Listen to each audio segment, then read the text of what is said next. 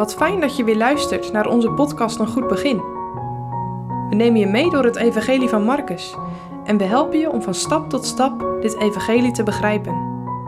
Vandaag met dominee Haring. Vandaag lezen we Marcus 11, de versen 20 tot en met 26. En des morgens vroeg, voorbijgaande, zagen zij dat de vijgenboom verdord was, van de wortelen af. En Petrus, zulks indachtig geworden zijnde, zeide tot hem, Rabbi, zie, de vijgenboom, dien gij vervloekt hebt, is verdord. En Jezus antwoordende, zeide tot hen, Hebt geloof op God? Want voorwaar zeg ik u, dat zo wie tot deze berg zal zeggen, wordt opgeheven en in de zee geworpen, en niet zal twijfelen in zijn hart, maar zal geloven dat hetgeen hij zegt geschieden zal, het zal hem geworden, zo wat hij zegt. Daarom zeg ik u, alle dingen die gij biddende begeert, gelooft dat gij ze ontvangen zult en zij zullen u geworden. En wanneer gij staat om te bidden, vergeeft, indien gij iets hebt tegen iemand, opdat ook uw Vader, die in de hemelen is, u lieden uw misdaden vergeven. Maar indien gij niet vergeeft, zo zal uw Vader, die in de hemelen is, ook uw misdaden niet vergeven. Net als de dag ervoor gaan Jezus en de discipelen vanuit Betanië naar Jeruzalem. Ze gaan dezelfde weg en komen weer langs de vijgenboom waar Jezus gisteren een vervloeking over heeft uitgesproken. Het valt de discipelen op dat de vijgenboom verdord is. Petrus herinnert allen eraan dat met de vijgenboom precies gebeurd is wat Jezus heeft gezegd.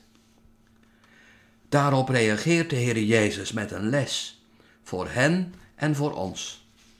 Hij onderstreept het grote belang van het geloof. Dat je geloof hebt wat vertrouwt op God en Gods belofte. Jezus gebruikt een spreekwoord om te laten zien hoe belangrijk het geloof is. Hij noemt deze berg en de zee. Deze berg moet de Olijfberg zijn.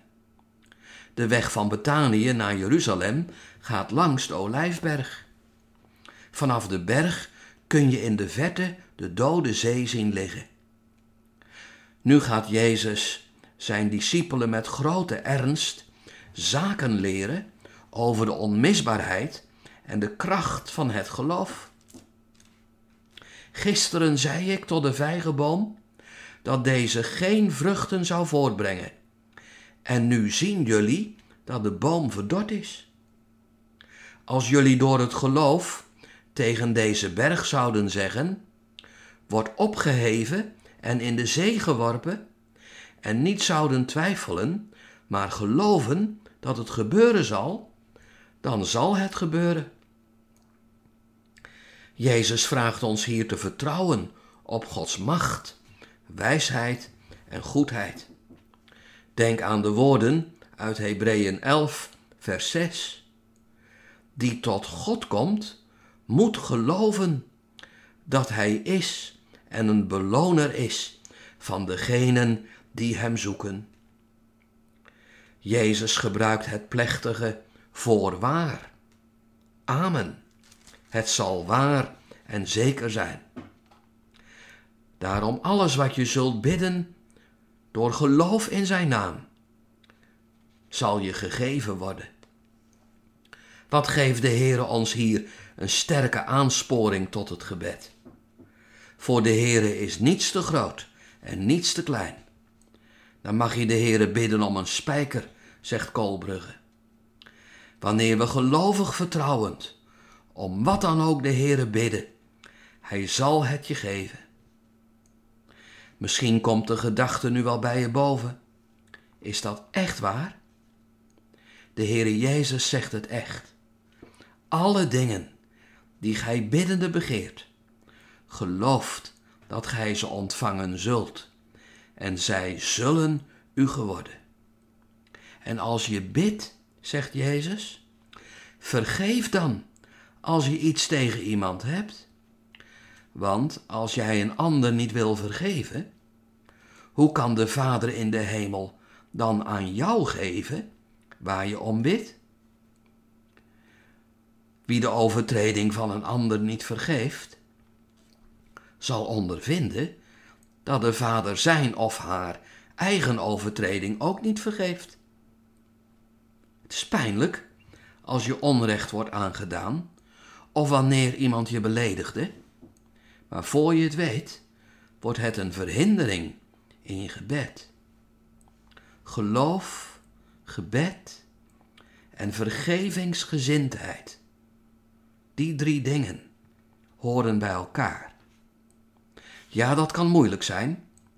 Je moet ervoor bij Jezus op school. Hij leert je bidden.